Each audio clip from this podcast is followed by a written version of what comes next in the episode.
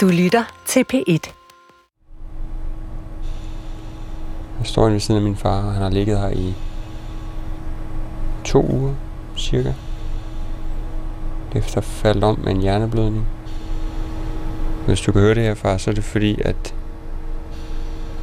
jeg har simpelthen tænkt over nogle ting, vi skal tale om, og det er jo selvfølgelig lidt sværere lige nu, fordi du ligger der. Men i hvert fald, nu bevæger du godt nok munden lidt. Far, i radioen nu.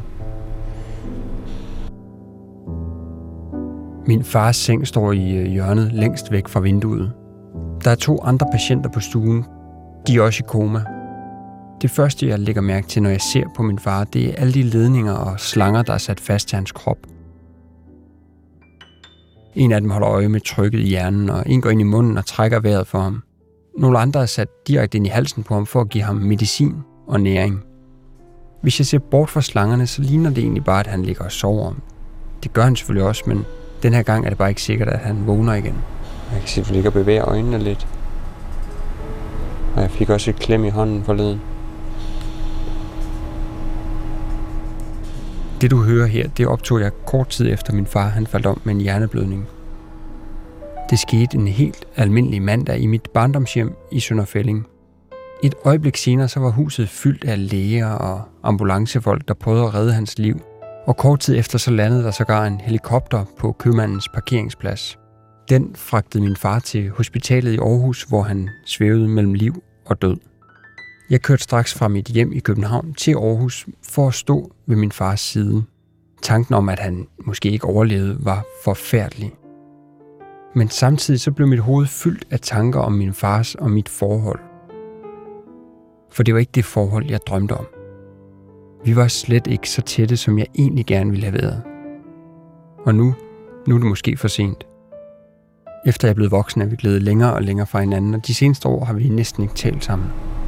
Og du er en god far, det er slet ikke det. Der er bare nogle ting, vi to ikke har fået talt om, som vi skal have talt om, når du vågner. Og indtil da, så ja, jeg tænker mig at snakke med nogen om deres forhold til deres far, og sådan blive klogere på, hvad det er for en størrelse. Men tager du den bare med ro.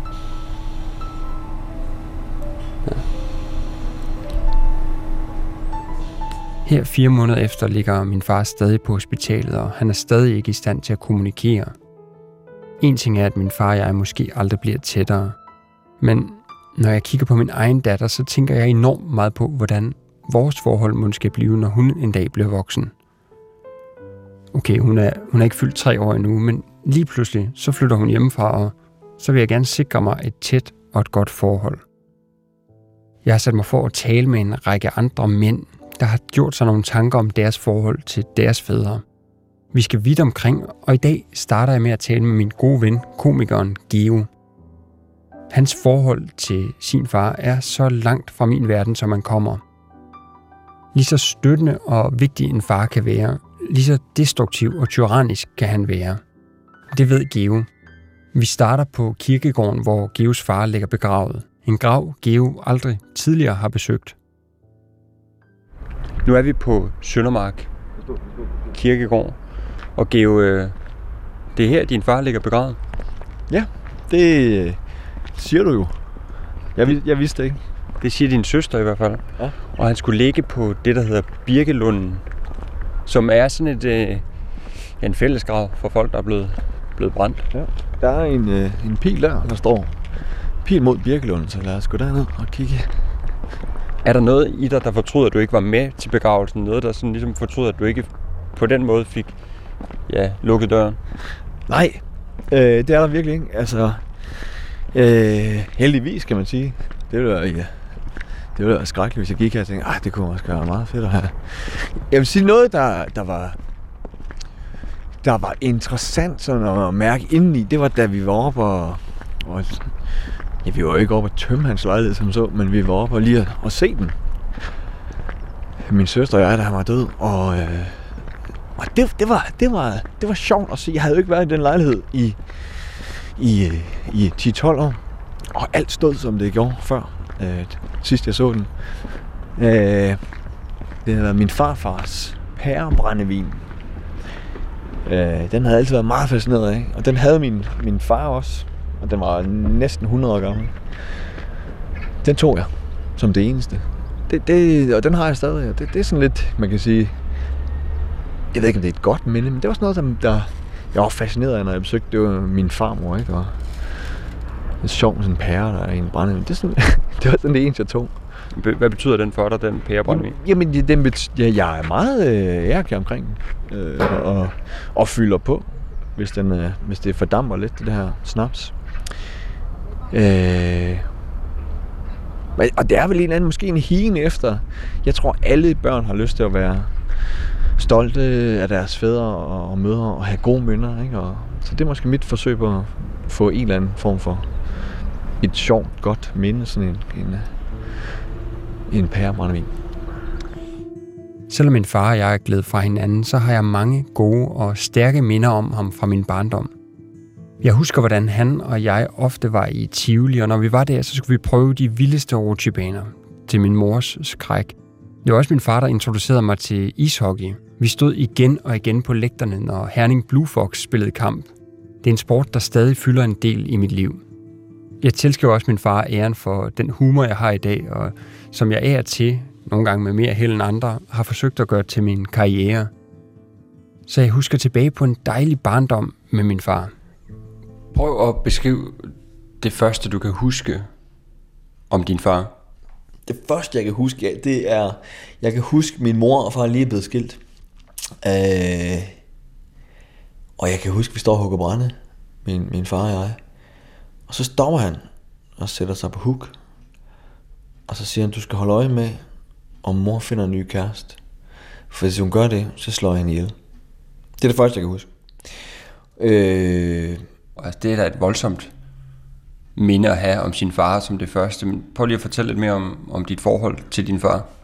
Men, men det, det er jo desværre kun sådan nogle minder, jeg har om ham. Jeg har faktisk ikke nogen gode minder om ham. Øhm, og og det, det, det var da jeg var fire, ikke?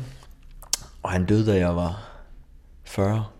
Så det stod faktisk på i 36 år med sådan nogle minder her. Altså det var, retorikken fra hans side, det var, at han ville slå os ihjel. Altså min søster og mig og min mor og alle skulle slås ihjel. Og han har haft en diagnose på et eller andet? Mm. Ikke, ikke, nej, ikke jeg øh, ved af.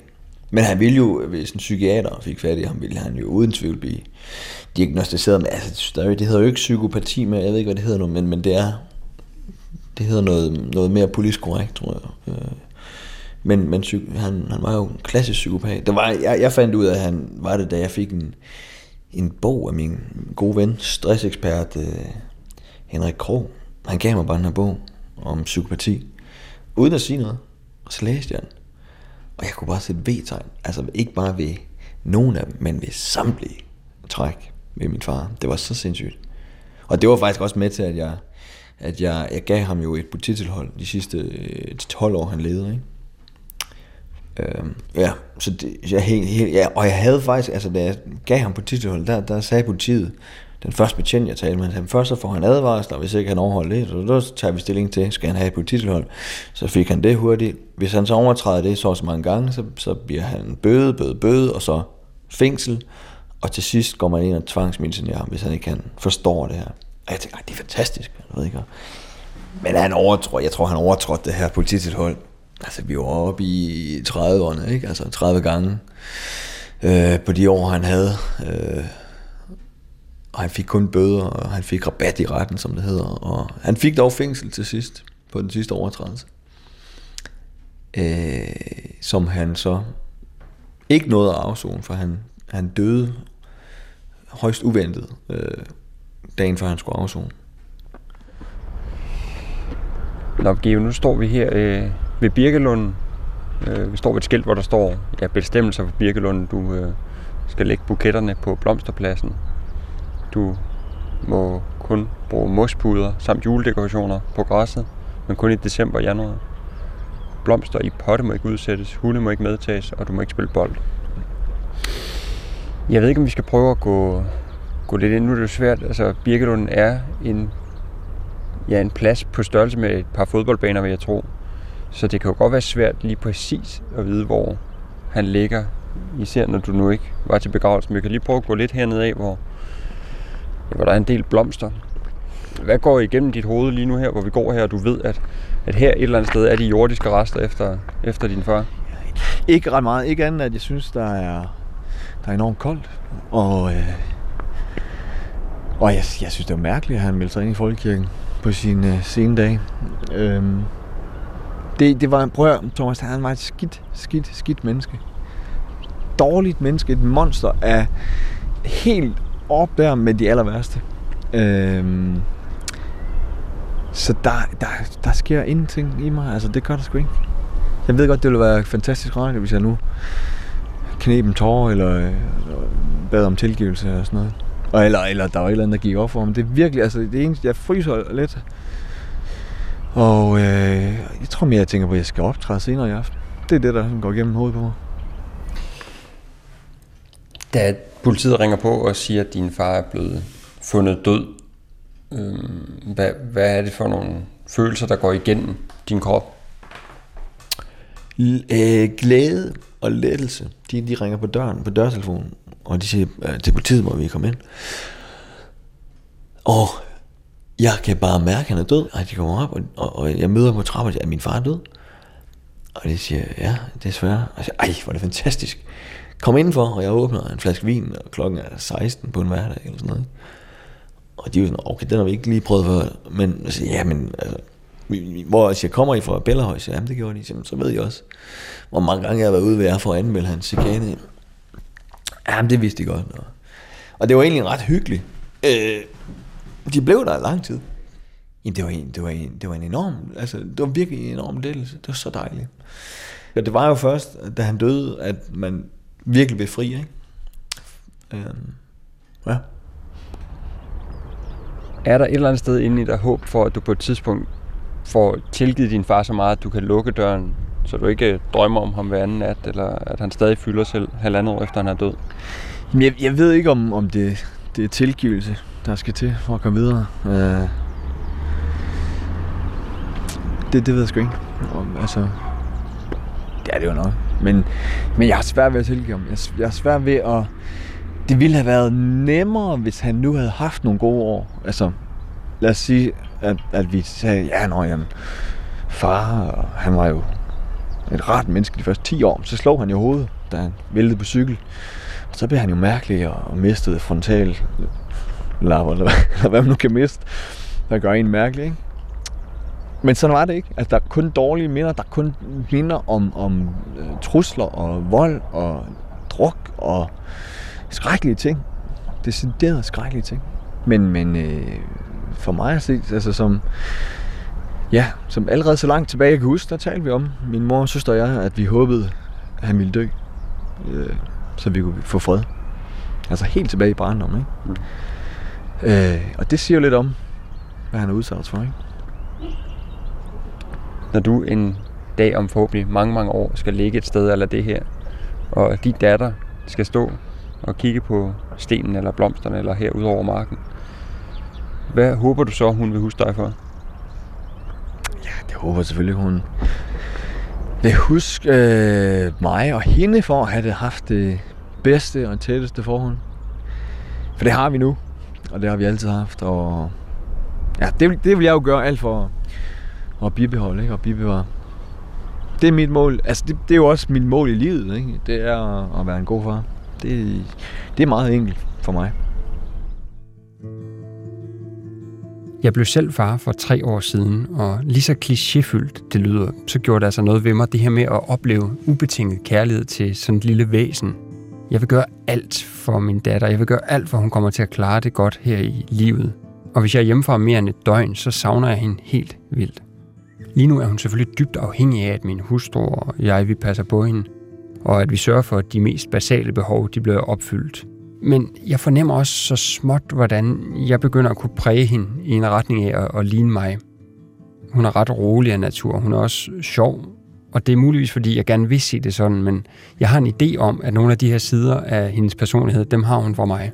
Men indimellem, når jeg i en stille stund sidder og tænker over fremtiden, så slår det mig. Tænk nu, hvis vi også glider fra hinanden. For i familiealbummet fra min barndom, der er der jo masser af billeder af min far, der tumler med mig og leger vilde lege med mig og får mig til at grine. Præcis ligesom jeg gør med min datter. Det var først, da jeg kom op i teenageårene, og, og da jeg sidenhen flyttede hjemmefra, at min far og jeg, vi sådan rigtig begyndte at glide fra hinanden. Jeg husker det som om, at vi i løbet af årene fik mindre og mindre at tale om, og sådan lidt groft sat op, kan man sige, at de sidste par år var vi kun på høflighedsfraser. Jeg sagde glædelig jul, og han sagde kør forsigtigt. Så når min far og jeg havde en lignende forhold, da jeg var barn, hvordan sikrer jeg mig så, at min datter og jeg ikke glider fra hinanden? Eller at vi som minimum i hvert fald stadig har lidt med hinanden at gøre, når hun en dag bliver voksen. I hvert program så mødes jeg med chefpsykolog Svend O. Madsen. Han har forsket i farrollen, og i hvert afsnit beder jeg ham om at fortælle, hvordan en far kan påvirke sine børn. Det er jo helt klart, at en far påvirker sine børn, og det gør de også, når man som i Geos tilfælde har en tyrannisk far. Hvis man har en tyrannisk far, kan man jo sige, at der, der ligesom er to måder at reagere på, og det er jo også det, vi ser. Det ene, det er jo, at man man, man bliver øh, underkuget, underkudet, man, man ikke øh, man, man går rundt og er, er angst meget. Det ved vi jo, at, at øh, nogen går rundt hele tiden og, og holder øje med, hvad for et humør er han i, hvad sker der lige om et øjeblik. Det er også, hvis der også er alkohol med i det, som der er jo i nogle af de tilfælde. Øh, altså, så går man hele tiden og er optaget af, hvad, hvad tilstand er han i, og har svært ved måske at få mærket efter, hvor, hvor er man selv henne i den sammenhæng, fordi hans tyranni er det, der dominerer det hele. Og der kan man sige, at nogen vil så komme til at sige, jeg skal i hvert fald ikke være som min egen far. Det har jeg oplevet mange mænd, som jeg har haft øh, samtaler med. Det, der er rigtig svært, det er, at de så pludselig kommer til at opleve, at der er nogle af de måder, de har det på, der faktisk minder rigtig meget om deres, deres fædre. Øh, så er der andre, som, som jo vil frigøre sig, som, som så på den måde altså virkelig får lagt afstand og finder nogle helt andre måder at leve livet på, og, og som hele tiden er opmærksom på, og, og altså er bevidste om, hvordan man har det. Men der er ingen tvivl om, at en tyrannisk far sætter sig spor på den ene, eller den anden, eller den tredje måde.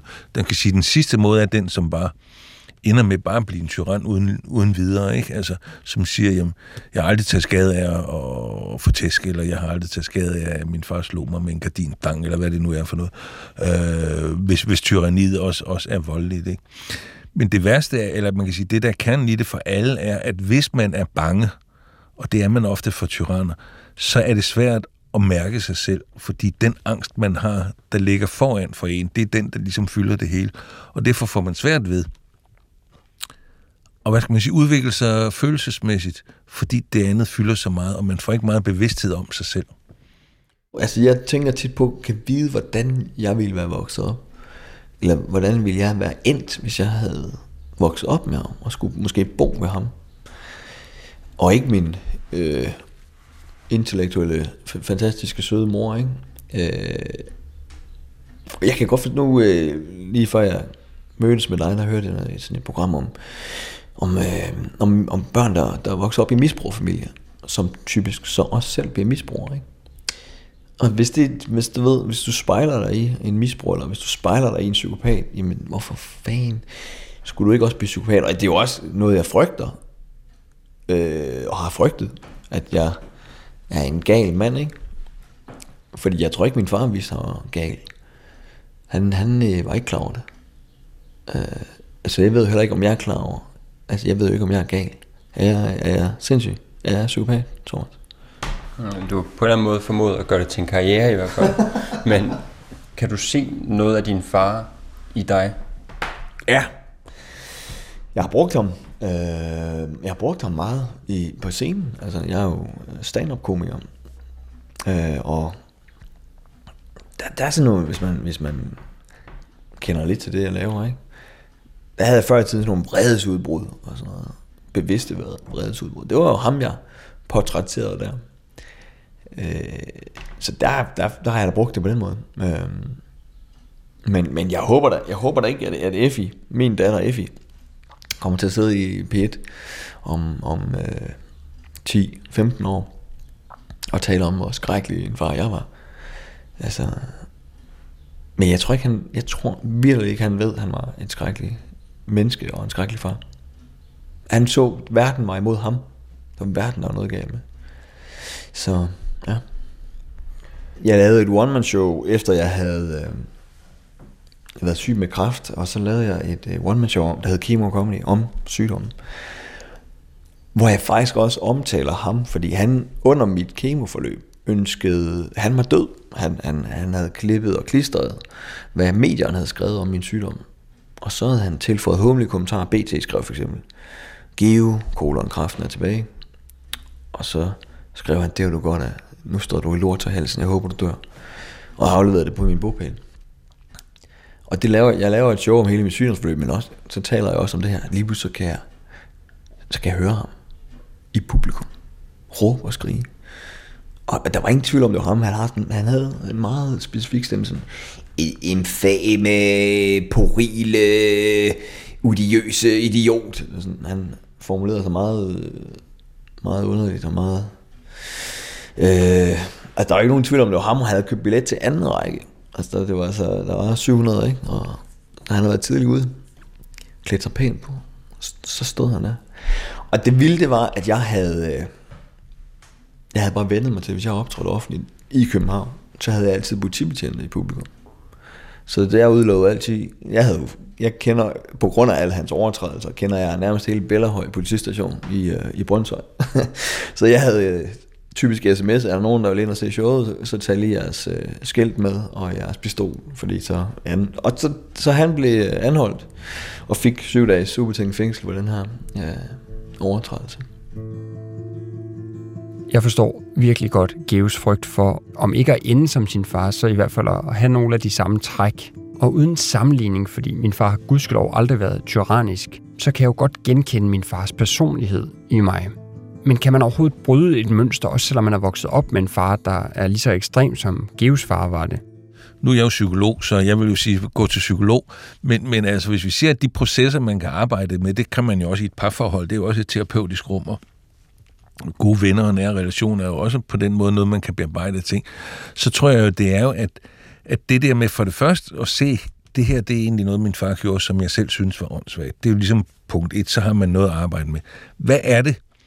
Hvad er det, der ligger i mig, når jeg er lige ved at bryde ud i det der? Er det et eller andet, fordi jeg ikke øh, kan magte situationen? Jeg har ikke nogen andre ting at gøre, end at blive på den måde i situationen. Føler jeg mig presset af det her afmagt? Eller Hvordan kan jeg lære nogle helt nye måder at have med de her ting at gøre? Og det, det er der mange, der har brug for, hvis de har været under sådan et... Altså, når, når du siger tyrannisk far, så tænker jeg, at et undertrykkelsesforhold, ikke? hvor man virkelig øh, hele tiden skal være på vagt på, hvad sker der om et øjeblik og den slags ting. Så er det jo at finde ud af, hvad er det, hvad er det, det gør? Hvad for en funktion har det i, i den eget liv? Man gør ikke noget, uden det har en eller anden funktion, tænker jeg. At finde ud af, hvad er det, det skal hjælpe mig med at gøre sådan her, og hvad kunne jeg gøre i stedet for? Og det kan være en terapeutisk proces, men det er jo også noget, man kan arbejde med med sig selv på mange måder. Hvad gør du for at, at være en god far? Jamen, jeg, jeg gør jo øh, det, som, som jeg tror, man øh, der falder ind ind, altså elsker hende og, og, og viser hende det. Men det er jo ikke svært for mig. Jeg elsker jo at vise hende, at jeg elsker hende. Altså, det, hun, hun skulle i hvert fald ikke vokse op uden en, en far, der,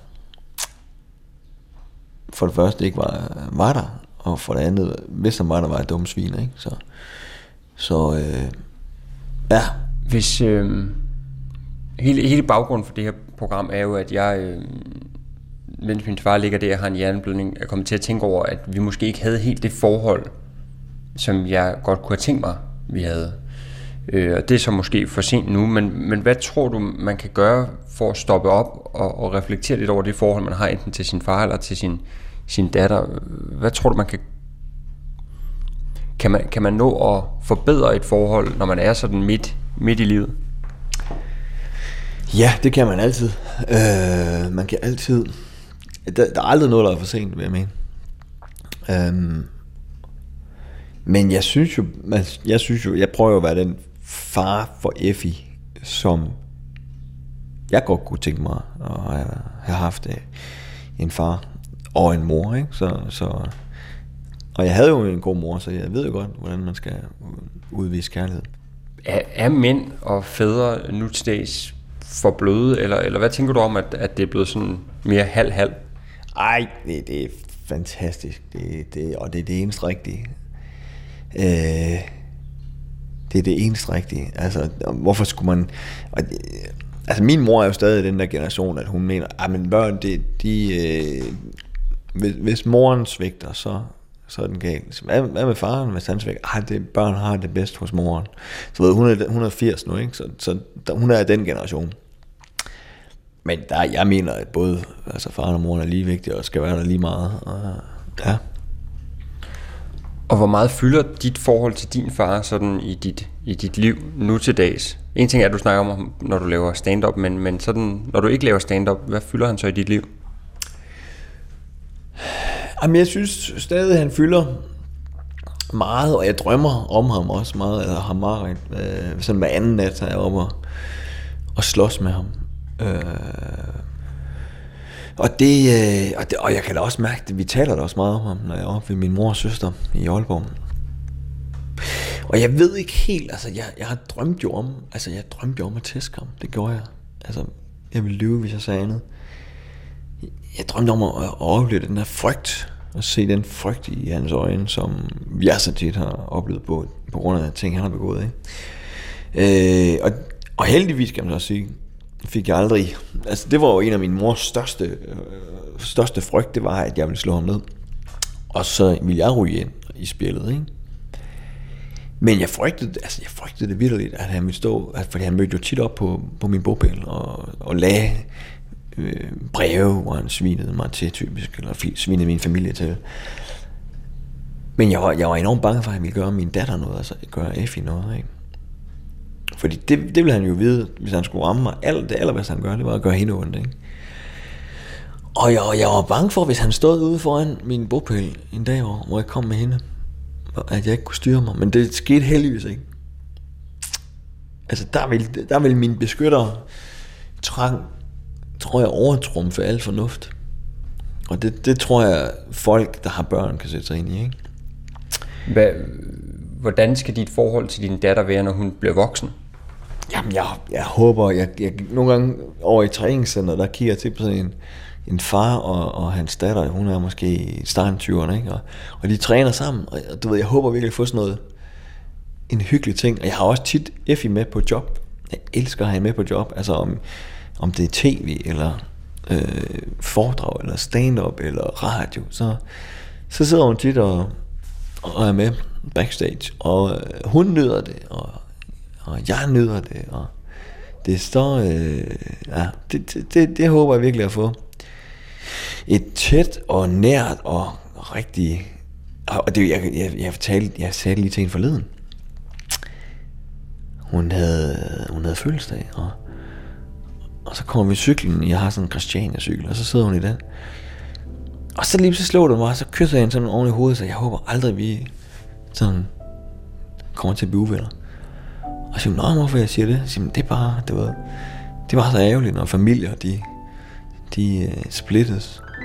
Så det, jeg siger, nej, selvfølgelig gør vi ikke det. Vi, vi, vi er jo bedste venner, far, vi elsker hinanden.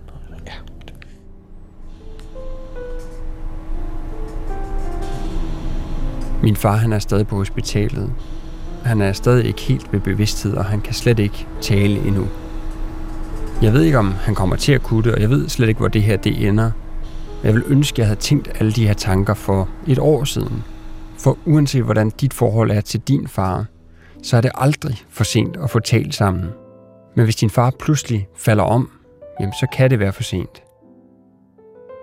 Det her er det første af fem programmer om fædre. I redaktionen Sofie Strøbæk og Julie Bang. Mads Peter Kynel har tilrettelagt. Rune Spar Gertsen er redaktør, og jeg hedder Thomas Skov Gårdsvig.